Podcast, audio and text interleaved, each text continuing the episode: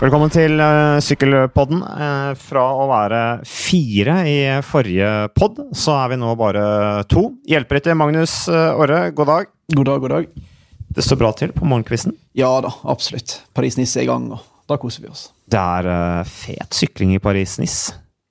Absolutt. Vi sa det på forrige pod at det er liksom en sånn garantist for action og spenning hver etappe, egentlig. Og de første etappene har jo vært helt overlegne for oss som liker eller for alle. Alle liker jo offensiv sykling. ja, Hvis de skjønner hva det er, så. Hvis du skjønner sykkelsport, så er jo Paris-Nice altså de tre første etappene Nå er det jo tredje etappe i dag, men de to første til nå har jo vært ekstremt bra. Det har jo vært Qatar rundt i Nord-Frankrike.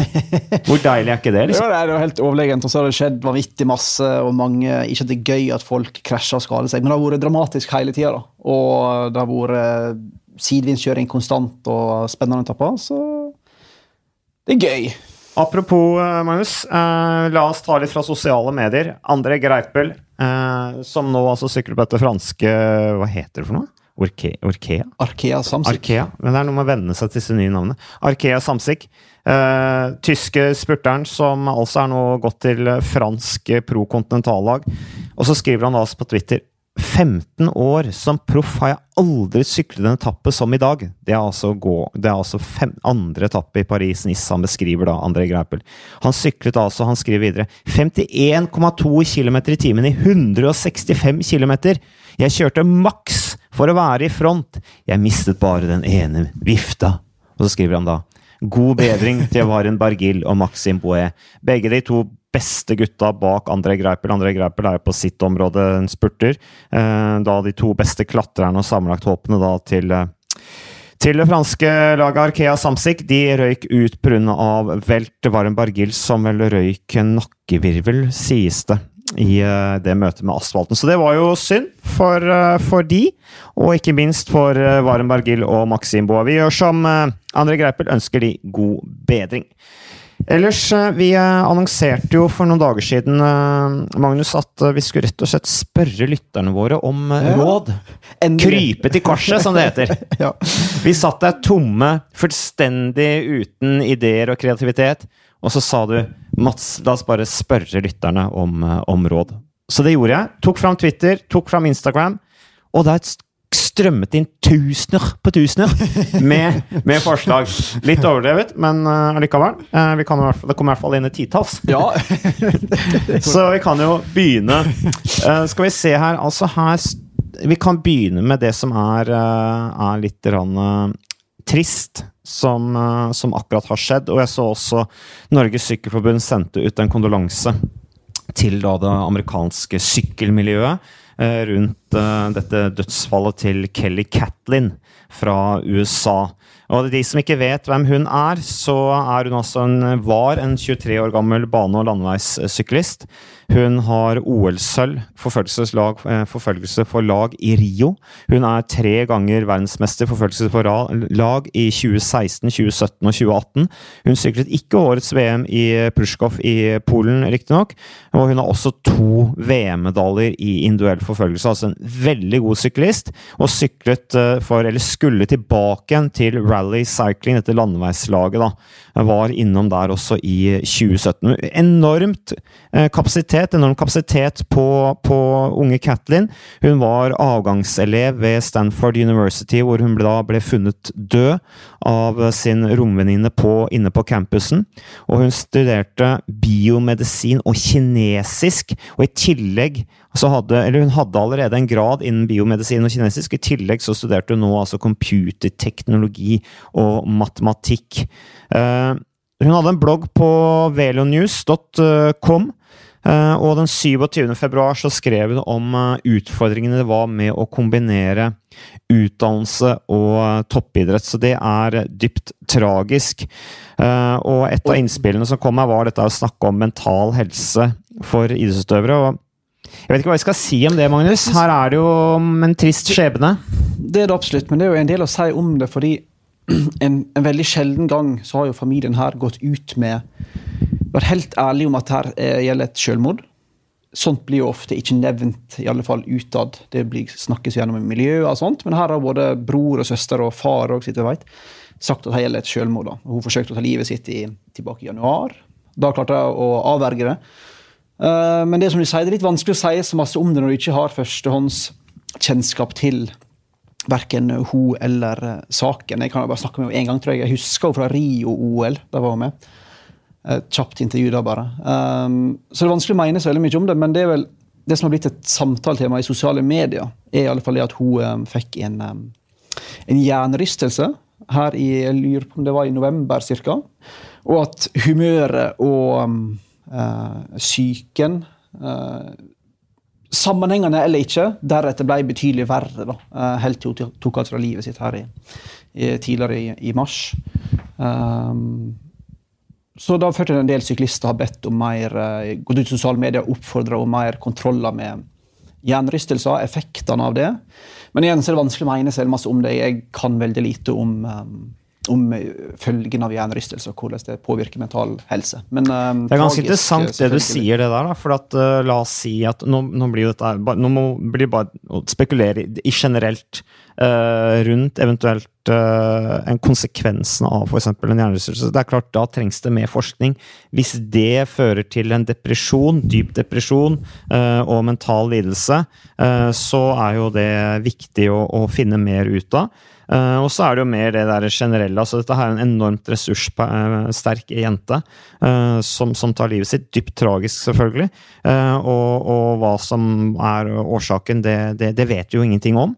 om det har noe med det, det innspillet som kom her på, på, Twitter, om det har noe med hvor liksom Det var opplagt at han ønsket å dreie det inn mot presset som idrettsutøvere er utsatt for. sånn. Jeg tror, ikke, jeg tror ikke man skal trekke noe, noe sammenheng mellom det Altså, uh, idrettsutøvere er generelt ganske mentalt uh, sterke, og, og, det er såpass mange idrettsutøvere og at uh, noe mentale lidelser vil bli blant de også. Jeg vet jo at på 90-tallet f.eks. så så var det ganske vanlig i sykkelfeltet. Det er også blitt beskrevet av, av Bjarne Riis, og jeg har fått høre det også av, av noen av disse tidligere massørene som jobbet i Kridiarkol, at det var mange ryttere som, som, brukte Prozac, altså antidepressive. Det var på en måte en del av pakka til de som brukte dopingpreparater. Og så vet vi også at eh, dopingmidler kan også føre til mentale lidelser og forstyrrelser oppi kjemien, oppi, oppi hodet.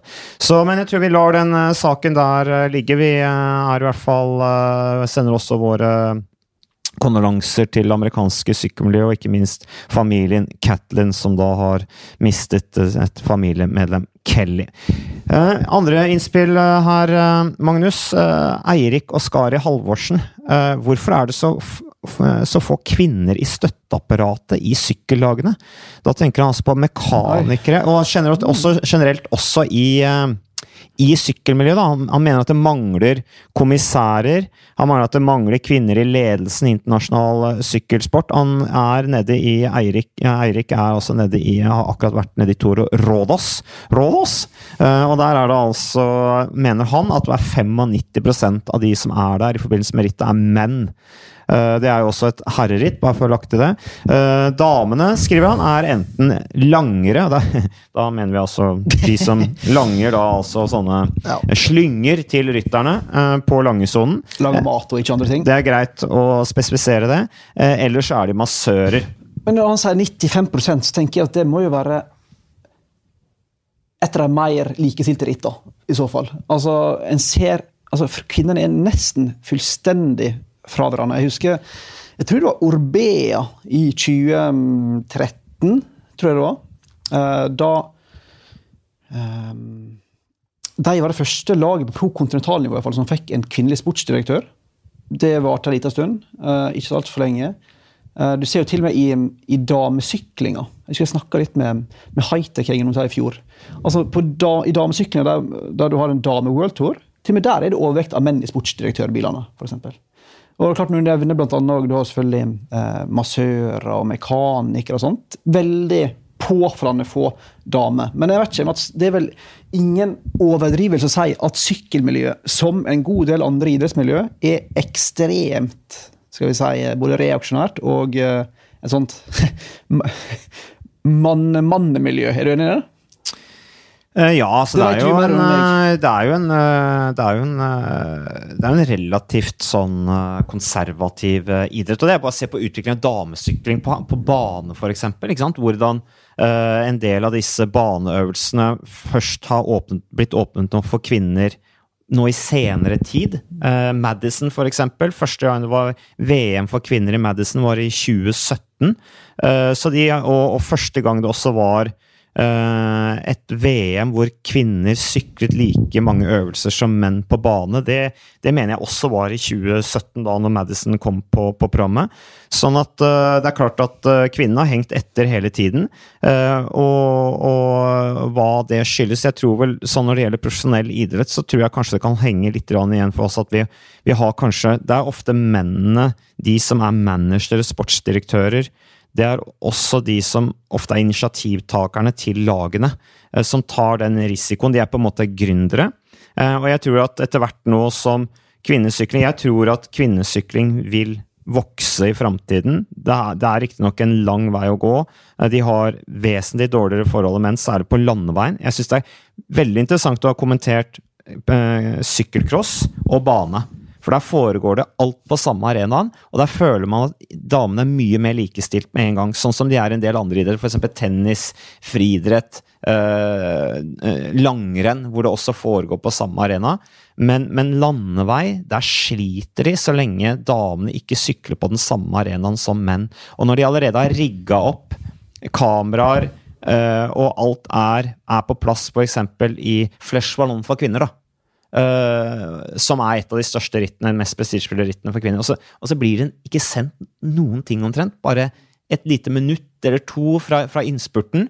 Uh, Så, så er jo det, så det fortvilende. Men, men hva som er grunnen, det er det, det, tror jeg har noe med at landeveis sitt er så lange. Jeg, jeg vet ikke. Det, Jeg tror ikke det, det handler om en kultur om at uh, mennene som driver den sporten, ikke har spesielt tiltro til at kvinnene har det som skal til. At rett og slett at menn er bedre mekanikere, at menn er bedre massører, at de er bedre sportsdirektører. Tror ikke du det? At det er en slags en, en fordom ute og går òg i sykkel? Men jeg, jeg tror det har noe med at uh, man, man, uh, man har ikke turt å satse skikkelig på damesykling ennå. Eh, særlig fordi at det er en profesjonell idrett. Det, kreves, øh, det kreves at du tar risiko, og, og du skal få inn alle disse pengene som skal til, osv. Men, men du ser jo nå blant annet Trekk Segafredo damelaget, så er det domineres jo av, av damer. Også to kvinnelige sportsdirektører. Jo, men hva skal, til- hva skal til, eh, Mats, for at plutselig um, Team Sky eller Movistar får en kvinnelig sportsdirektør? Det virker helt som en utopi. Ja, så nå, øh, det, nå er du inne på sant, et vesentlig ting at nå, nå snakker du Det er mulig jeg snakker litt vekk fra temaet her nå, øh, men hva er det som gjør at ikke kvinner jobber i mannlige lag? Og den diskusjonen har vi også på, i fotball, for sant? med kvinnelige fotballdommer osv. Uh, jeg tror det generelt er og, og også har det vært et tema mye i norsk idrett rundt dette her med, med kvinner i, i toppen i norsk idrett, kvinner innenfor som, som topptrenere.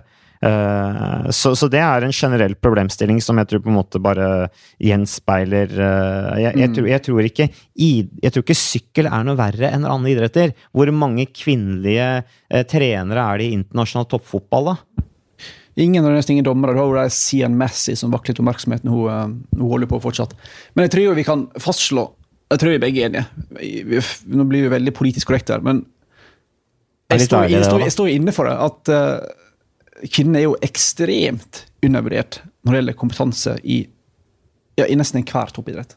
Jeg tror jeg kunne tilført ekstremt masse, spesielt i sykkel, som er en på godt og vondt. Veldig sånn liksom mosegrodd, tradisjonsbefengt, uh, gammeldags sport. da. Der Ja, men er det så mye verre enn andre idretter?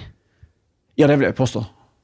Vil Ja, ja, ja, altså, da skifter vi litt tema, men jeg føler, jo, jeg føler jo sykkel er jo mer De er mer glad i tradisjon og hvordan ting er- var en gang i tida, enn å benytte seg av hvordan ting kunne ordet. Altså, både når det gjelder bruk av, eh, av, eh, av teknologi, utvikling av ritt, eh, utvikling av TV, måten å sende sykkel på TV på. Eh, og jeg er jo glad for at sykkel er tradisjonelt der, for du ser jo i ski det er jo kun sprint om dagen. Hva skjer med det? Det er jo sprint hele tida. Dødskjedelig, fordi folk tror at folk vil bare vil ha korte, korte distanser. Nå skal IAF, altså Friidrettsforbundet, de skal kutte ned på Gold Diamond League, for de syns det tar for lang tid. alt må gå fortere. Du fjerner 5000 meter ned til 3000 meter, f.eks. Det er jo det katastrofe. Derfor liker jeg at sykkel holder fast på Nei, vi skal ha 300 km lange sykkelritt i Milan San hvert år. Følgelig. På den måten veldig bra. Men på andre måter tror jeg sykkel, både når det gjelder medikamentbruk og likestilling og um, økonomi, ikke minst, at sykkel er ekstremt mosegror. Det tror jeg. Ja, men du nevner sendinger osv. Altså, jeg syns jo sykkelsendingene er ganske avanserte. Hvis du ser på Tour de France altså, se, jeg, Nå har jeg kommentert triatlon. Vi sender jo for øvrig, har bestemt oss siste liten nå for å sende VM-runden i triatlon. Det syns jeg er bra, for vi har veldig gode triatleter fra, fra Norge som er med og, og kjemper der. Men, men, eh, men der syns jeg jo, når jeg ser på de sendingene, så tenker jeg å, du verden om bare dette her hadde vært en sykkelsending. Så bra den sendinga hadde vært. For der er det veldig dårlig, det er for, det er for få kameraer. Det er, ikke, det er, ikke, bra nok produksjon i forhold til det vi ser fra Flandern rundt og Tour de France og, og de som virkelig kan lage sendinger, da. Det, det kan godt hende, men jeg har alltid savna i sykkel, som er en veldig langtrekkelig idrett, uh, som mange liker, men som en del syns blir litt vel langtrekkelig. At jeg savner jo ofte at den har mer grafikk, at den har mer uh, hva heter det ordet? En, at en, kan mer illustrere hva som egentlig foregår i feltet. da. Tatt små steg nå med å kunne av og til få en kamera bak på setet, og av og til kunne få opp puls. Men det, kom, det kommer jo, Magnus. Ja, det, det, det, er bedring. Men jeg synes jo en har en vei å gå før en klarer å sykkel enda bedre TV-produkt. Nå skifter vi veldig fokus her. Men, ja, jeg, men jeg, er litt mindre kritisk enn ja. deg når det gjelder det. Jeg føler at det er en utvikling, at det vil komme. Og at faktisk sykkel er en foregangsidrett når det gjelder utholdenhet og sendinger. Men bra, vi Dermed basta. Bra okay? vi er uenige av og til, da. Jeg syns det er nesten hele tiden, jeg, Magnus. Altså, sokkene var én ting, liksom. Men nå kommer dette her også. Så Ellers så kan vi nevne at Bygdøy IL de har en eh, kvinnelig eh, direktør sportif, eller trener, Henriette Berg Mero. Og det applauderer vi. Det applauderer vi. Så eh, Bygdøy IL, som har også vært og syklet Torov Rodas, de går foran i et slikt uh, henseende, så det er, uh, det er veldig bra. Uh, Kjetil André han eh, skriver på Twitter Hva tenker du om at Kristoff og Boasson Hagen sykler Paris-Nice? Vi er veldig glad for det, bare for å svart sånn kjapt. Men så skriver han da videre Kristoff har jo syklet mye i det siste, burde kanskje tatt en treningspause. Om Edvald nettopp har vært syk, burde han vel heller samlet overskudd og fått trent, eller? skriver han. Det er et veldig godt spørsmål. Hvis vi begynner med Edvald, da som ble uh, sjuk i Algarve, var det vel? Og som uh, trente litt sånn halvveis i oppladningen til Paris-Nice i et forsøk på å hente seg inn igjen. Uh, har fått tunge dager de første to dagene, som forventa. Når du kommer tilbake fra sykdom og går rett inn i et ritt som eksploderer fra første ja, når det går så fort, da. Over 50 km i timen. Men jeg, jeg, vil jo likevel støtte Altså, Skal Edvald være i form til de klassikerne han har planen om å være i form til, så trenger han de rittene her. Altså, nesten, altså Samtlige ryttere sykler enten Treno Adriatico eller Paris-Nice. Kunne selvfølgelig sendt han til Treno Adriatico for å gitt han et par ekstra dager fri, men det kan godt hende at Edvald heller foretrakk å sykle i mer anførselstegn klassikertype ritt, altså du får i Paris-Nice med sidevind og dårlig vær, mens i Treno Adriatico er det litt annen type dynamikk i rittet. Men eh, absolutt godt poeng. Det er godt at Edvald Vi får håpe for uh, alle sin del at formen hans ikke blir mer at han ikke blir mer nedkjørt, da, men at han heller får en um, gunstig utvikling. Jeg tror tenker.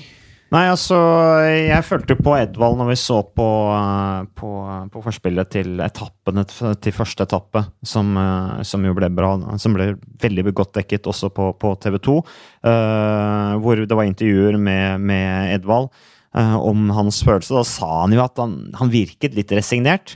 Uh, så så han er opplagt uh, han, han, var opplagt ikke forberedt på å kjøre Paris-Nice. Og når det er såpass intens som det det har vært også med den sidevinden, som gjør det utrolig hardt, uh, og de ligger høyt oppe på høyt i prosent av, av, av maksimal uh, kapasitet, stort sett hele veien, så er, det, så, så er, han sjanseløs hvis han ikke er i form.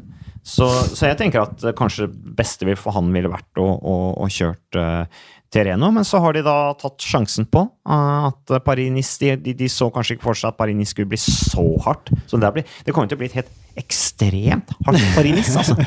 Med de to første etappene som har vært. Uh, så, så, så, kommer det til å bli en intens affære når de allerede er godt kjørt når de kommer inn i fjellene. Så eh, det er eh, Men spørsmålet er jo liksom eh, Jeg håper jo da at Edvald ikke eh, At han, når han da først faller av, at han sykler, tar det med ro, ikke sant. Eh, jeg, jeg vet ikke hvor enkelt det er med de forholdene som har hvert vært de to første dagene, men eh, at han ikke, sånn at han ikke kjører seg Hvis han ikke blir helt frisk, og så kjører han seg helt i kjelleren, så kan jo det bli et dårlig utgangspunkt med tanke på, på å fortsette. Men, vi får se. Når det gjelder Kristoff, så eh, ja, han har syklet en del ritt. Han har syklet eh, eh, 23 dager allerede med konkurranser. Uh, han kjørte disse endagsrittene på Mallorca. Eh, han kjørte eh, Valencia eh, rundt, og så kjørte han altså Tour Oman og UAE-Tour, før han da kom til Paris-Nice. Men han Jeg føler at UAE-Tour, det er Det er ikke hardere enn at han skal kunne ha restituert seg på den gode uka det er mellom UAE-Tour og Paris-Nice. Ja, og så er det litt det samme som Edvald. Skal du ha ambisjoner i, i Milano San Remo som han har, så må du sykle etter de to rittene. Um, nå, var, nå har jo Kristoff vært uheldig i både første etappen og andre etappen. Og, um, og jeg blir jo litt sånn satt, altså blir litt overraska over at han ikke får med seg mer hjelp.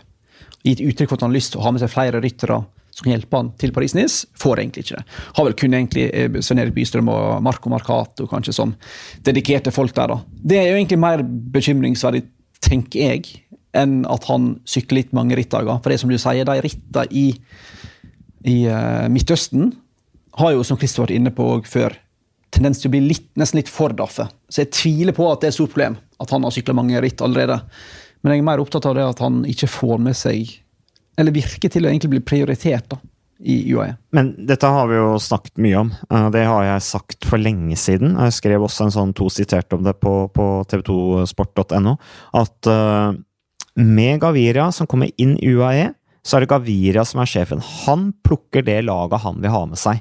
Eh, Så at Kristoff nå ikke får ha med sine foretrukne opptrekkere, det tror jeg bare er dagens hverdag i UAE, med en ny mann som har kommet inn der og, og tatt sjefsrollen. Men apropos det, samme mann, Kjetil André, spør jo. Nå så Gaviria er spurten UAE prioriterer, og de fortsetter å satse på bakkeryttere som Pogacar og Enao annet. Hva burde Kristoff gjøre? Klassikerlaget er ikke blitt noe særlig sterkere. Virker det ikke som UAE satser på han. Hva tenker Kagusa og co.? Det var vel litt det vi snakka akkurat om. Jeg tror vel at de satser på han. De ser jo fram til eh, De håper jo at Kristoff vil være bra i særlig de belgiske klassikerne. Så det blir spennende å se Milano Sanremo. Eh, Hvem som, eh, som hvem, det, hvem som er på oppløpet der, og eventuelt hvem som, som Hvis, Gavire er på oppløpet i Milano Sanremo sammen med Kristoff, så blir det jo sannsynligvis et opptrekk av Gaviria fra Kristoff. I så fall får han et fantastisk opptrekk. Om Gaviria er der i Flandern rundt? Jeg veit ikke. Det, har, kan, han har potensial, selvfølgelig. Men jeg tror at Kristoff øh, fremdeles har større poten eh, Altså er bedre enn Gaviria i Flandern rundt. Men jeg tror ikke nødvendigvis vi skal være så skeptiske til hvis Gaviria skulle sitte med i finalen i Flandern rundt. Vi har jo lenge på en måte etterlyst litt at mens Quickstep sitter med tre-fire ryttere og Astana og flere, sitter liksom nesten alltid Kristoff alene igjen i finalen. i store ritter. Hvis UAE har to korte spillere istedenfor ett, kan det godt falle Kristoff til gode, det. altså. Og Gavire har, selv om han ikke beviser jeg tror jeg et helt sånn åpenbart potensial òg på brostein. Så um, en dag kommer han til å plutselig slå inn på brostein. Det kan godt skje i år, det. altså. Ja, ja, han er en tøffing, og det er klart han har ambisjoner, og han lukter gull og ser potensialet der også, selvfølgelig. Altså, vi hadde jo, hvis vi tar et eksempel, da, eh, på en kanskje ikke helt lik, men noe som kanskje kunne ligne litt, var Heinrich Hausler og Thor Hushovd i, i eh, da Cervelo Test-team. De, de hadde jo vel, begge to hadde en god spurt, eh, og det ble ofte jeg husker jo blant annet i, eh, i Milano Sanremo, hvor Hausle var vel i 2009, da. eh, Hvor Hausle gikk til som et opptrekk etter Cavendish, og så bare forsvant han. Uh, fra, fra Tor Hushovd. Han hadde så trøkk. Jeg husker også Flandern rundt samme året. Da gikk jo Hushovd på trynet så det sang på oppløpet. Eh, Ødela hånda si, faktisk, det året. Det var i 2009, det òg. Da ble Hauser nummer to eller nummer tre i Flandern rundt. Gikk til på, på oppløpet der. Så de, de hadde jo der var det på en måte et samspill mellom de to. Begge de to hadde, hadde mulighetene til å, å, vinne gjennom en spurt, faktisk. Men det var stort sett Hauser som da skulle trekke opp, men han gikk til ofte så hardt da, at han fikk en luke. Eh, og holdt det, så var jo det bra for han, holdt det ikke, så kunne det være bra for, for, for Hushovd. Så nei, det blir spennende å se. Jeg har spørsmål til Mats, for det kom inn et spørsmål fra Mats Kaggestad fanpage. Først og fremst, Er det du som har. Det du som har oppretta Mats Kaggestad fanpage, eller er det faktisk, har du fans der? Det er selvfølgelig jeg som har oppretta det. ja, for å dyrke meg selv. ja. Nei, men veit du hvem det er? Vet Nei, jeg har ikke peiling. Men Mats Kaggestad fanpage, som er en konto på Twitter, har da sett inn spørsmålet. Hva tenker vi om styrkeforholdet mellom Lutsenko og Jakob Folsang i forkant av Brosteinsklassikerne, med tanke på Folsangs prestasjon i Strade Bianche, der ble med to, og Lutsenkos prestasjon i omlopp, der han var meget sterk og vel ble ja, var det fire-fem, noe sånt? Får du svare? Fanklubben din? Ja, altså For det første så overrasker det meg litt uh, det spørsmålet der. Skal Jakob Folsang kjøre Flandern? Er det, er det bestemt? Det, det, var det som overraska meg litt med det spørsmålet der, eh, Magnus. Eh, det, det, er jeg litt usikker på. Det ville jo vært mer naturlig om Jakob Folsang satset på Ardennes-klassikerne. Der har han det definitivt før, ja. Så finn ut av det først. Hvis, hvis han, Mats Gaggestad fanpage, veit at Fuglesang skal kjøre Flandern og Lutsjenko også skal gjøre det, så tenker jeg at de har et kickass-team når det gjelder å angripe. altså Tenk deg de gutta der. altså Hvis Folsang takler det der kjøret der altså Folsang er en tidligere terrengsyklist. En veldig teknisk god, fantastisk motor, er opplagt i kjempeform. Uh, og hvis han har den mentaliteten at han skal til Flandern rundt for å prøve å lykkes der. Det er, det er tidligere klatre som har gjort at Gianni Bunio vant Flandern rundt. Uh, Bartoli, som også var en god klatter, uh, vant Flandern rundt. Uh, eller i hvert fall høyt oppe. du har masse gode klatrere som har gjort det bra i Flandern rundt. Dagotto Lauritzen f.eks. ble nummer tre i Flandern rundt et år. Det er ganske imponerende. Så, så det går an om du bare har innstillinga til det. Og jeg tror at Folsang kan være en god Flandern rundt-rytter også. Og han og Lutsjenko sammen det er heftige greier, altså, hvis de klarer å samarbeide. Men Jeg begynner bare å føle litt med Folsang. Jeg. At en fantastisk rytter. Ganske sånn classy syklist. Men som har, han har så treige muskelfiber. Altså, han blir nummer to i så mange store ritt. Han ble nummer to i Strade Bianche, som det ble vist her. Han ble nummer to i, i OL i Rio, husker jeg godt. Han ble nummer to i, eh, i Tour de Suisse i fjor. Vinner jo ingen etapper i Grand Tours, alltid i nærheten. Og så når du sitter og ser på Strade Bianca, da, sitter at Folsang er sammen med Ala Filip. du, sitter bare, du veit hva som kommer til å skje, og så skjer det.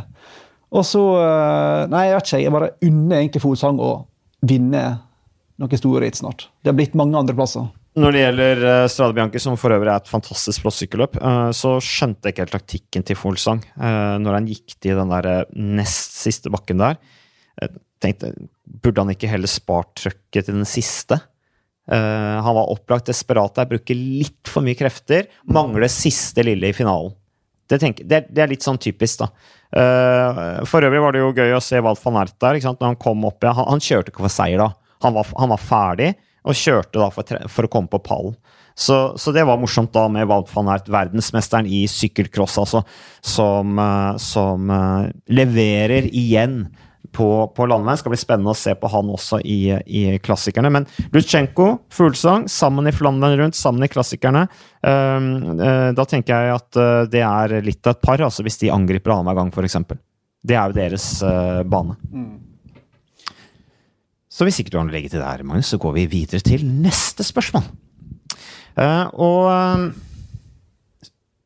Sykkelfjas skriver kan man kalle seg hjelperytter eller sykkelekspert og samtidig mener at kortere sokker er innafor. Nei, det kan du ikke. Jeg har eh, aldri kalt meg noe av det, så det er mitt forsvar. Nei, det skal du ha, Magnus. Du er ikke det, det, det, det skal du faktisk ha. At du har aldri kalt deg noen av tingene. Det er jeg som har kalt deg hjelperytter. Men altså, jeg sa det med sokkene litt sånn flåsete. Jeg står inne for det, men det er voldsomt i oppstyret. Jeg får melding om det stadig vekk. Så det er tydelig at det der eh, traff en nerve i et, eh, i et litt sånt um Litt sånn konservativt sykkelmiljø. Ja, ja. Men det er ikke så konservativt heller. Altså, lange sokker representerer utvikling. Altså det var først det kom rundt 2004-tallet, så det er et veldig nytt fenomen. Hadde vi vært konservative og nostalgiske og tviholdt på det tradisjonelle, så hadde vi fremdeles sykla rundt i korte sokker, Magnus. Men at du syns det som skjedde for 15 år siden, 2004, er nytt, sier jo litt om hvor eh, reaksjonær Jeg føler at det var som i går, jeg. Jeg husker hvordan vi satt og klipte opp sokkene våre. Men nok om lange sokker, vi har prata nok om det. Uh, Knut Skeie er inne på noe interessant her med Midtøsten, som nå kommer tungt inn i sykkelsporten. UAE Bahrain, utøver fra Norge, prikk, prikk, prikk, innafor? Spørsmålstegn. Hva mener han med det, Magnus? Spørsmålet er jo eh, enkelt forklart er det innafor at nordmenn representerer lag som er sponsa av regimet som vi ikke syns innafor. Altså da peker vi på Bahrain og UAE, som da åpenbart er i konflikt med veldig mange menneskerettighetsregler, og som representerer ting som eh, de aller fleste i Norge ikke vil synes er, er greit, med tanke på likestilling og rettigheter til de svake i samfunnet og diktat... Altså, ja, jeg tror folk skjønner hvor vi vil. Forfølgelse av homofile, ikke minst. Ja, for eksempel. Eh, og så her kan vi jo egentlig snakke om i en time, for det er jo et veldig godt spørsmål. Eh, Veldig politisk korrekt også. det er det absolutt. Men det er et tema som, er, som bør på en måte ligge Ja. der. Og det vanskelige her Dette er en av de få tinga jeg har slitt med å bestemme for hva jeg syns. Altså, jeg, jeg har jo sterke meninger om ma mange ting.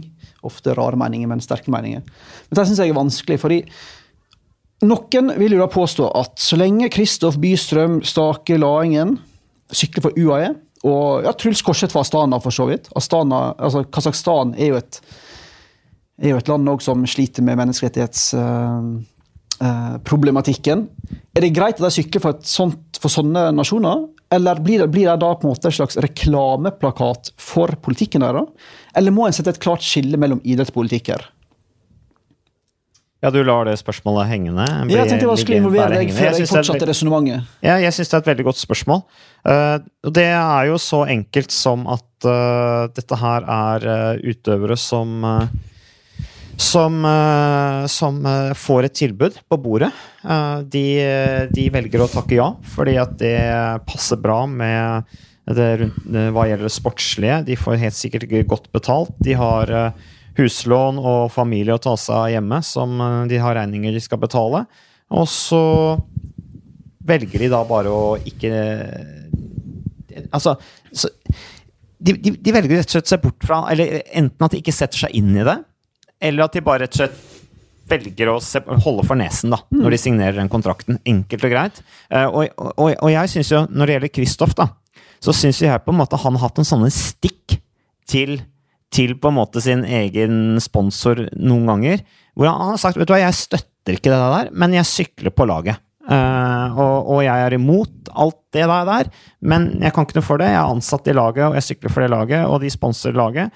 Eh, det, altså, det, som, det som i hvert fall er, er det som i hvert fall utøvere som signerer for lag som er sponset av den type hva skal vi kalle det? Skal vi kalle det regimer? Eh, jeg syns jo så, så, så, så er det i hvert fall Det er veldig viktig at de kommer inn der da med at ja, jeg er åpen for at de spørsmålene vil komme. Eh, og jeg sier min mening eh, så godt det lar seg gjøre, men jeg skjønner jo også samtidig at de ikke ønsker å gå i strupen på, på en måte sponsoren. Det, det, det har jeg bare forståelse for, fordi at de, de, er, de er ansatt der, det er jobben deres, og det, det, er- veldig er, det er komplisert. Det er ekstremt komplisert, og så er det veldig vanskelig tenker jeg, å, å etterleve det. Fordi jeg heller mot at det er helt ok at de sykler fra de lagene. Litt fordi lagene det snakk om her, som er Bahrain og, og UAE og uh, Astana Det er tydeligvis mange som reagerer på at en sykler for sånne lag, fordi det er ikke i tråd med våre vestlige politiske overbevisninger. Men Katusha Makarov hadde mange tette bindinger til Putin. Ja, var jo Orica, sponsa- ja, de. Som sponsa det australske sykkellaget mange år, er jo en sånn, for, en sånn sprengstoffleverandør. Fått vanvittig masse bøter for forurensning, ironisk nok, sponser sykkellag. Du har eh, amerikanske lag som representerer da, i hermetegn et styre som Donald Trump, som mange vil til og med sier si ligner på fascisme. Skjønner du hva jeg mener? Teams, altså Sky sin måte å drive medvirksomhet på kan, vil mange kritisere. Mange skandaler der. Spørsmålet mitt er bare hvor trekker linjene? Skal en si at det ikke er greit å sykle for folk som ikke representerer den vestlige verden? Eller vil du, hvis du sykler for et fransk lag, satt veldig på spissen, representere klasseskiller i Frankrike som er åpenbare. Skjønner, skjønner hva du vil? Ja, eller atommakt som ja. i back in the days hadde prøvesprengninger i franske atollene. Mm. Eller, så, ja, akkurat det. Så jeg synes det er utrolig vanskelig å si at vi kan godta noen lag, men ikke andre, basert utelukkende på politisk uh, orientering. Og si at, at f.eks. Putin-koblingen uh, til Katusha var helt ok. Uh, så jeg mener at Hvis idrettsutøvere som har et begrensa arbeidsmarked, som det er i sykkelsporten, skal begynne å velge, da må du krysse bort alle som er fra Midtøsten. Du må krysse bort Astana. Står en for amerikansk politikk? Nei, ikke egentlig. Vi tar vekk det. Vi tar vekk en del av disse um, søreuropeiske landene som har sine utfordringer både med ja, det ene og det andre, egentlig. Så, så, så, Poenget mitt er at du sitter igjen med ingenting da, nesten. Ja, og Hopplandslaget vårt er jo også sponsa ammunisjonsfabrikk, ikke sant? Ja, så jeg mener at En kan ikke stille utøverne til ansvar. Her mener jeg det er de som uh, govern, altså de som uh, leder idretten, som må ta ansvaret. Her mener jeg ansvaret ligger hos UCI, som må si ok, vi har en etisk kontroll som alle lagene skal innom. Hvis en da går gjennom den kontrollen, som UAE og Bahrain gjør, det er jo sånn hvert år at alle lag må fornye sin lisens og må bestå en del kriterier, både finansielle og, og etiske. Og så lenge lagene er klarert i hermetegn fra UCI, fra øverste hold, tenker jeg at da kan ikke utøverne bli forventa å skulle stilles til ansvar for det. Da må de kunne være en arbeidstaker for et lag som er sponsa av noe vi ikke støtter. tenker jeg. Ja, jeg er helt enig med Magnus. Altså, så lenge UCI slipper Bahrain, altså denne mm. prinsen, inn i, inn i sykkelverden mm. uh, med sine midler, og han tiltrekker seg noen av verdens beste sykkelryttere, Uh, denne prinsen som for øvrig er anklaget for tortur, blant annet. Altså mm. uh, systematisk forfølgelse av folk som, som, utfordrer ham på det politiske. Uh, mange folk som har flykta fra Bahrain pga. forfølgelse. det er ikke bra, men så lenge de slipper han inn i, i, varmen, så på en måte er det da naturlig da, at ryttere som står der og kanskje har At det er definitivt et riktig, at, at, det er et tilbud de har som hjelper de i deres karriere og mot deres mål, så, så det er, det er nesten ja. naturlig at de, de, takker ja. Altså sier de nei, jeg vil ikke kjøre for det laget, jeg vil heller kjøre for et mindre lag, få mindre lønn, sykle mindre ritt. Så applauderer, applauderer ja, vi det. Fantastisk! Men de kan ikke kreve det av alle, tenker jeg. Nei, og så har du sånn som Kristoff og, og, Bystrøm, da, som står der sant, på startstreken med UAE på brystet, og mot skjerf rundt halsen, halsen da, med alle de verdiene det representerer også, som er helt motsatt av kanskje de, de, de, de regimene som sponser disse sykkellagene blir anklaget for. Mm. Og så tenker jeg også, samtidig at hvis den skal jeg skjønner veldig godt synspunktet til de som mener at norske utøvere som sykler for sånne lag, er med på å, å blankpolere imaget til disse landene som vil framstå mer likende i den vestlige verden for å tjene penger. Det er jo på en måte hovedargumentet her, at de blir et slags kommersielt verktøy for sponsoren.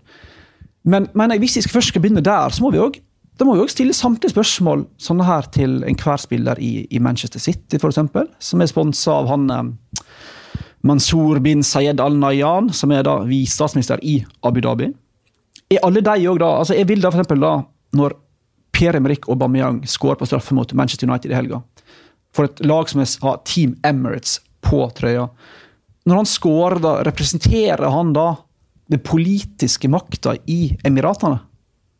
Det syns jeg ikke. Og da er vi egentlig tilbake til det jeg mener at her må en stille spørsmåla og ansvaret til de som eh, regulerer sporten, og ikke til de som utøver sporten. tenker jeg.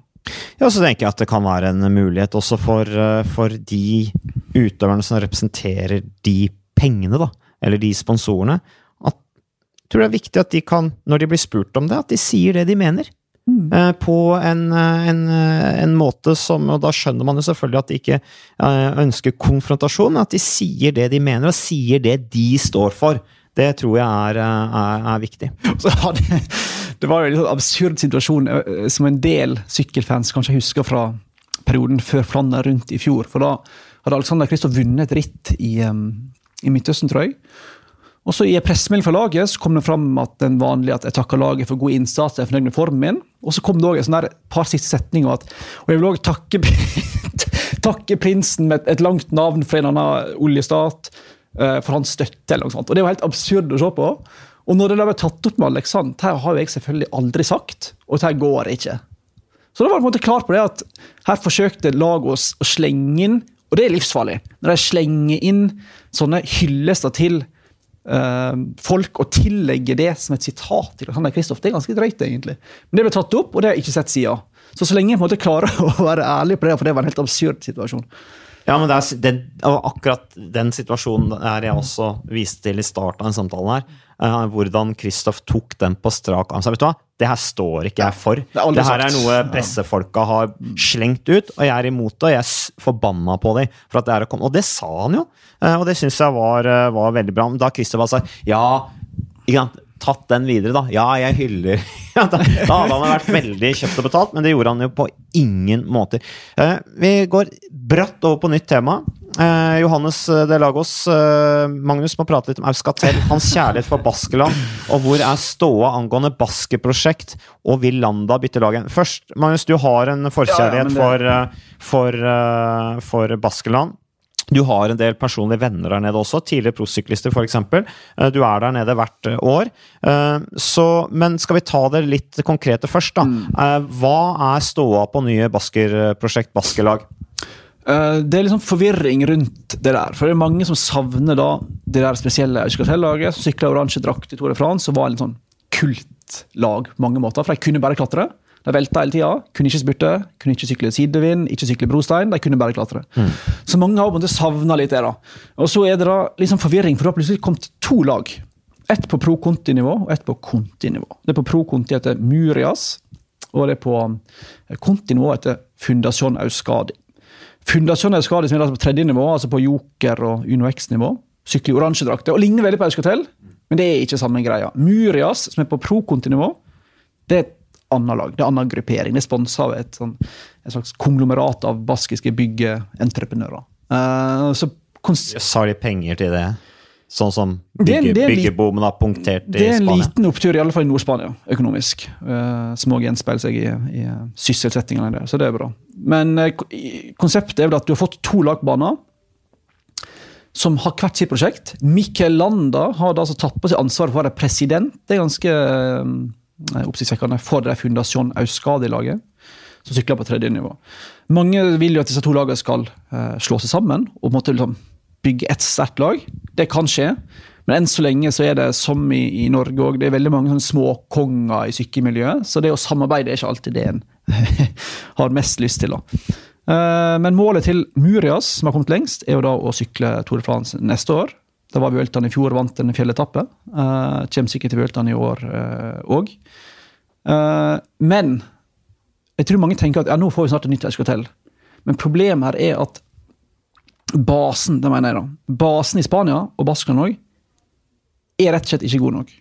Jeg tror det tar en del år før du får opp talent på størrelsen med, med, med Samuel Sanchez, Alberto Contador, Joaquim Rodriguez, Oscar Freire, Alejandro Valverde, denne gylne generasjonen til Spania. da. Jeg tror det tar litt tid før du får opp en ny sånn generasjon som på en måte liksom kan Iban Mayo, Aymar Subeldia, som kan herje i fjellet Tour de. Jeg tror vi er et stykke unna, dessverre. Fordi den basen, sykkelsporten, har blitt neglisjert eh, lenge pga. elendig økonomi, færre ritt, færre lag osv. Så, videre. så mm, Men da er det jo bra at størstestjerna Mikael Landa faktisk kjenner sin besøkelsestid og sier at jeg skal lede prosjektet her og sørge for at vi i hvert fall har et lag på et visst nivå som vi liksom kan eh, heie med, da, vi som holder med, med, med Baskeland.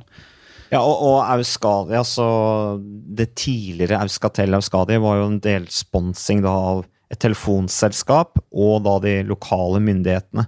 Og det var de lokale myndighetene som slapp opp for penger i forbindelse med finanskrisa, som jo da gjorde at det var bare slutt på midlene, rett og slett. Så spørs om vi får det igjen. Ja, men han spør jo vil Landa bytte lag igjen. Uh, det har han blitt spurt om mange ganger. Han sier at det, det er ikke aktuelt å bytte lag enda, men mindre fundasjoner og skadelaget kommer opp på et nivå der de får sykle Grand Tours og har et um, godt rittprogram, da kan det være mulighet på slutten av karrieren. Men han kommer ikke til å bytte lag ned på kontinivå. Det vil være et stort steg ned for, um, Mikkel Landa, som uh, Han har bare kjørt ett ritt i år, han, og det brøt han pga. velt. Ja, han krasjbrakk kragebeinet der allerede. Så det går litt trått for Mikkel Landa. Men uh, Mikkel Landa kan komme sterkt tilbake. Tenk bare på hvor mye energi han har når han da altså Han har jo ennå ikke i praksis ikke konkurrert, da, i og med at han brøyt dette rittet på Mallorca 31.1. Skal bli spennende å se på han når han kommer sterkt tilbake. Movistar-rytteren Mikkel Landa. Men uh, da fikk vi tatt det. Det var veldig viktig å få tatt det. Uh, og så er det altså her Vi fortsetter da å ta Når vi er inne på spansk sykkelsport, uh, Magnus. Vi snakket om Flandern rundt, vi snakket om Folsang, vi snakket om eh, Lutsjenko, Astana-rytterne. Eh, Hva med Valverdes sjanser i Flandern rundt, spør Truls Kvalsvåg. Valverde Flandern rundt, interessant. Spennende. Ja, han har jo et uttalt mål om å vinne det rittet, fordi det er en sånn eh, essensiell del av sykkelhistorie at han har lyst til å fullføre karrieren med å kunne vinne det rittet òg. han skal sykle her i år. Jeg tror han kommer på pallen, men jeg, jeg tror han har Du tror han kom på pallene? Ja, jeg tror han har, eller han har jeg, Men han har jo ikke noe lag rundt Nei, seg. det er akkurat det jeg skal si. Jeg tror ikke han har laget til å faktisk kunne vinne rittet. For han kan liksom ikke gå etter hvert til Køning quickstep-støt, f.eks. Men jeg tror med den spurten han har, og med kvalitetene han har, og på brostein som han har vist sånn sporadisk i Grand Tour, så tror jeg han eh, kan ta en spurt for en tredjeplass, f.eks. Jeg tror han kommer til å være der oppe, sånn som vi så Nibali var i fjor. Var meget sterk eh, Nibali, som gikk vel sammen med Terpstra på Krausberg der i begynnelsen, så datt han av. Så han var, i fall, han var med i finalen, Nibali. Og jeg tror hvis han kan klare det, kan absolutt Valverde klare å være med i finalen i, i Flandern. Ja, og når sånn som Nibali sant, deltar i Flandern rundt, så, så på en måte er det sånn spark disse her spesialistene i Tour de France som ikke tør å sykle eh, sånne, sånne skikkelig hardcore, tøffe ritt som Flandern rundt med brostein smale veier og 90 graders svinger og opp rattet kneiker og vill kamp i feltet. Det er noe med dette her. Vise ja, jeg er allsidig, jeg er sterk. Eh, nostalgien at man skal delta i alle, alle ritt, sånn som Eddie Merckx gjorde. Kannibalen som tok alt. Men eh, Valverde, han eh, Det kan jo være, kan jo være at, han, at han er litt lei av å vinne Liège-Bastogne-Liège. Liksom. Han har vunnet det fire ganger. Han har vunnet Flesh fem ganger. Eh, og han er jo opplagt en rytter som eh, han, han har alt i seg, Valverde. Eh, og jeg tror jo også at med den respekten han har i feltet òg, så vil han Kampen i feltet er ekstrem i Flandern rundt, altså. Eh, og når du er verdensmester, du heter Alejandro Valverde, eh, han har mye respekt i feltet. Jeg tror på en måte at han Det er lettere for han, for han å finne en posisjon i feltet med den statusen han har som regjerende verdensmester, og det man frykter han for i, i kapasitet. da. Eh, at, eh, at han til en viss grad han må, han må jo bare spille på de andre, men hvis det er en som kan spille mye på de andre og være lur og manøvrere seg rundt, så er det nettopp, uh, nettopp Valverde. Ja, jeg tror det. Og så han, hvis han har dårlig lag Det er faktisk ikke så dårlig. Det er helt sånn average, men det fins verre lag. altså. Det har en del sterke ryttere, både i Jørgen Rolands nå, Ja? Imanol Erbiti Det er en del sterke ryttere. Så, Rolands hadde jeg helt glemt, selvfølgelig. så jeg tipper Hva i all verden gjør Rolands i Movistar? Det er litt, er litt smart, da. Du kjøper, en, du kjøper en fyr, du betaler han godt, og så sier du vi har ikke sjanse til å hjelpe deg, men du får godt betalt, og du får gjøre det du vil i de rittene du liker best. Jørgen Roland, som altså likes best av ITSA klassikerne, som er en, en rytter som ikke har fått ut potensialet sitt helt siste åra. Ja, det er litt sånn Terpstra, ikke sant, Ja. som, eh, som går til direkte energi. Mm. Jeg synes det er ganske smart. Jeg så har du på en måte han og Jasha Sytterlin og et par andre som har liksom bare sånn fritt kort, som kan gjøre det de vil. Slipper mot Movistar å ta det så seriøst. For de, i Spania så har ikke disse endagsrittene prestisje. Det har de aldri hatt. Nei, hadde Oscar jo Flesja, da, som eh, var ganske Ja. bra. Så hadde skal Freire til en viss grad i endagsritt, men det der endagsfokuset har aldri vært stort i Spania. Men Mats, det er et interessant spørsmål til deg. Fra Håvard Fagervold, som spør. Tor Hushovd gikk fra spurte om seire til å vinne flere ritt og etapper i brudd, eller spurte inn til seier fra veldig små grupper. Da tenker han, at han tenker på perioden 2010-2011, da han gikk blant annet vant en fjelletappe i Tour de France i brudd som veldig mange husker. Hva skal til for at Kristoff skal kunne gjøre det samme? Og er det mulig? Ja, Altså, om Kristoff vinner eh, fjelletappe til eh, Lourdes, det er jeg litt usikker på. Eh, Sånn som jo Tor Hushovd gjorde. Jeg, sånn kapasitetsmessig oppover så, så hadde Thor et eller annet i seg, og det viste han jo allerede tilbake i 2005. Hvor han ble nummer eh, eller var, det, eller var det tidligere? Han ble i hvert fall fem på en ganske hard fjelletappe i Tour de France, plutselig. Ut av ingenting, ikke sant? Eh, så, så, så han hadde en enorm tempoferdighet, da. Tor Hushovd. Han ble jo også U23-verdensmester på, på tempo i 1998 uh, i, i, Falkenburg i Nederland. Men jeg tror vel at, uh, at Kristoff Jeg har etterlyst det litt i fjor, jeg, uh, i Tour de France. Det der å, for Kristoff å gå i brudd, komme seg med disse store bruddene. Én, den grønne trøya. Der kan det være en, en, Det kan være noe å satse på. Da må han gjøre det. Da må han gå i brudd. Da er det større sjanse for at han ikke er like fresh i spurtene på enkelte dager. Men han kan, han kan oppnå mye. Uh, to, jeg tror det passer bra når han kan vinne Flandern rundt, sånn som han gjorde. Det begynner å bli en stund siden, men allikevel. Uh, han har vunnet Milano Sanremo. Han, han, viser, han, viser, kapasitet. Så tenker jeg det har litt med det mentale å gjøre, hva han er innstilt på. Hvis han er innstilt på å endre seg litt som ryttertype, som kanskje krever noe mer utholdenhet, krever noe lengre innsatser å gå i brudd og de tingene der. Kjempe rytter til rytter Eh, i større grad i, i småkupert terreng, så tenker jeg at det, det kan Kristoff klare. Det har også noe med treningsfokus å gjøre. Hvis Kristoff mener at han kan gjøre det, og hvis det blir et fokus, uh, som jeg tenker kanskje kan være lurt, fordi at den hurtigheten, den ekstreme hurtigheten til å være en ren massespurter, er veldig usikre. Det er derfor han også er blitt opptrekker for Gaviria. Kanskje er det en karrierevei for Kristoff som også kan utvikle han ytterligere som eh, klassikerrytter, tenker jeg. Sånn som vi så med Johan Museo, eksempel. Eh, eh Laurent Jalabert osv. De også utvikla seg fra å være massespurtere til å bli mer klassikerrytter. Rytter som gikk i brudd, som var med og kjempa på, på, på sånn småharde etapper hvor spurterne, de rene spurterne ikke klarte å henge med inn. Men, men du som kjenner Hushovd bedre enn de fleste og har, trent med han og alt sånt, uh, og som også kan mer om trening enn de aller fleste, har Kristoff det potensialet til å klatre så bra som Hushovd hadde, som Hushovd tydeligvis hadde på slutten av karrieren? Jeg veit ikke. Jeg, da, det, det, da, må i så fall Kristoff eh, være innstilt på at det er noe han skal trene på. Og jeg, jeg tror at hvis, hvis Kristoff er innstilt på at det skal han trene på, og det skal han utvikle seg på, så tror jeg han, han kan gjøre fremskritt hva gjelder klatre, og kanskje klare å bite seg med uh, over en eller annen ikke altfor lang høy topp. Kanskje bruke utforferdigheter og sånne ting. Altså, vi må huske på at eh, når Tor Husa vant den etappen til Lord, eh, hvem, var det han, hvem var det som sykla for han da? Jo, det var David Moncotier, og så var det den franskmannen i Francé de Sjø som jeg ikke helt husker Roy. Eh, ja? Mm. Det, det, det, var, det, var, ikke Contador eh, og Quintana som sykla fra han. Eh, det var, ikke, det var ikke verdens beste klatre, og han klarte ikke å henge med de. Og han tok igjen var det to minutter utforkjøringen på disse gutta. Uh, brukte tempoferdighetene sine på flatene, tok de igjen. Uh, viste den der rå mentale styrken som han brukte på slutten der, til å ta disse gutta i de små bakkene. Og de var på en måte punktert mentalt når han kom opp på hjulet.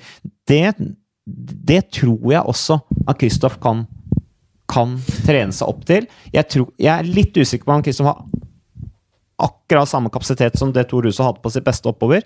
Men se på fysikken til Tor, da. Er det så egentlig så veldig stor forskjell på de to? Det kan være noe med muskelfiberen i beina eller et eller annet. Jeg vet ikke, men, men jeg tenker Tor var ikke akkurat Han så ikke ut som noen bakkeklatrer, han heller, da. Det er jo interessant. I sykkel er det jo et konsept som heter watt per kilo. Som um, vi enkelt kan forklare med kraft du presser ned i pedalene, delt på hvor masse du veier. Og så er det sånn at Eh, den berømte dopinglegen Ferrari sa en gang i tida at for å vinne Tour de France så må du kunne tråkke 6,7 watt per kilo. Det var, var det ikke 6,8? Mener 6,7. Men uansett, ja, det er for så vidt en nyanse. At du må, Hvis du kommer opp på 6,7 watt per kilo, da har du kapasiteten til å vinne Tour de France. Så det var alltid Lance Armstrong og, og Tyler Hamilton. Alle gutta jobber mot det, og Contador for så vidt òg.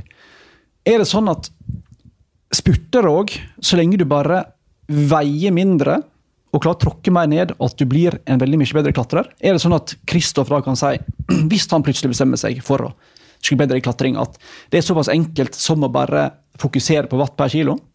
Og slanke seg, så ta av tre kilo, da, og så tråkke mer vekt? Er det så enkelt? Altså, når, det gjelder, tror Thor, slik jeg oppfatta han, når han på en måte endra seg mentalt som rytter, da, eh, og gikk vekk fra disse massespurtene fordi han, han sa det som det var det er, for, altså det er for vilt. Jeg orker ikke å drive med det mer. Jeg vil, jeg vil spille på andre styrker som, som sykkellyst. Og det var treningsarbeidet han fokuserte på, ikke vekten. Altså Det var ikke snakk om ok, nå, hvis jeg går ned så mange kilo, så ordner alt seg. Det var all treninga, utholdenhetstreninga, eh, endring av intervallformer, mindre spurttrening. Altså, det var rett og slett mer utholdenhetstrening han gjorde. Og jeg syns det er interessant å se på Sam Bennett, for eksempel, som også har sagt som jeg etter at jeg trente mer utholdenhet, så har jeg faktisk kommet bedre over bakken og hatt mer trøkk i spurtene. Jeg har hatt mer energi i avslutningene. Så, så jeg tror ikke det er så dumt uh, uansett. Men Thor meldte seg jo bare ut han, av de der spurtene. Eh, og, og, og, brukte kapasiteten sin på andre fronter. Og det tror jeg har veldig mye det mentale å gjøre. Og så er det selvfølgelig Han velger bort den der rene, spesifikke spurttreninga som er veldig eksplosiv. Setter seg veldig mye melkesyre i beina og sånne ting. eh, og trener mer utholdenhetstrening, høyere anarob terskel, de tinga der, sånn at gjennomsnittsfarten øker. Og så eksplosiviteten, den, den hadde han jo uansett med seg. Så når han kom i da spurtdueller i mindre grupper og sånne ting, så hadde han jo, eh, hadde han jo en fordel der. Eh, Og når du Dette her med måten Kristoff vant Flandern rundt på, eh, så fantastisk kapasitet som det Kristoff har, så, tror jeg også at han kan bli en rytter som går for grønn trøye, går i brudd, eh, henger med ganske gode ryttere oppover, og blir en pine hvis de ikke klarer å kvitte seg med han før spurten. Så Se på Michael Matthews også, australieren. Han har jo utviklet seg og endra seg, han også. Han er jo heller ikke noe rein spurtemenn, men du verden hvor sterk han er i tøffe eh, avslutninger. Og også en rytter som går i brudd, plukker poeng, grønn trøye. Spennende utvikling. Så kjør på, Kristoff! Eh, Det er bare å se til Tor Husodd, Michael Matthews, og vi støtter deg den dagen du sier, vet du hva. Jeg har fått nok av de der massespurtene. Jeg gidder ikke å ende opp karrieren min som en opptrekker for Fernando Gaviria i UAE. Er du ikke enig? Jo da, absolutt. Men jeg lurer på om vi skal eh, la det være siste ord. Eller så kan vi jo gratulere Herman Dahl, som vant eh, siste etappen av Tour de Rodos i en massespurt for øvrig. Ble nummer to på første etappen, ble også fire i Rodos Grand Prix. Vi gratulerer også Markus Holegård, som ble nummer to sammenlagt eh, der i det rittet. Så, så ønsker vi bare alle lyttere en videre god uke. Og følg med på Paris-Nice! Absolutt. Det blir bedre og bedre. Det blir bare bedre. Alt For når du går vekk fra sidevinden i Nord-Frankrike, som er veldig spennende, så går du òg ned til fjellene i Nis. Og de to siste etappene er alltid masse action. Så En- det er, en vegg, gøy. med, en vegg med sidevind går til en vegg av motbakker. Du verden for en dramatikk vi har i vente. Kos dere, folkens! Vi er tilbake for øvrig neste uke. Da er vi tilbake med en ny sykkelpod. Da skal vi ha en sykkelpod spesial med Rune Andersen, som er norsk. Som er styreleder i CADF.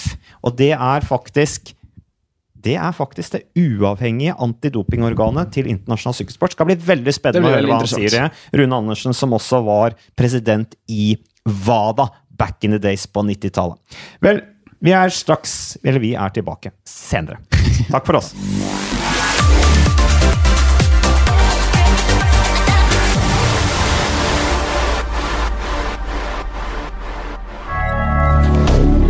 Moderne media.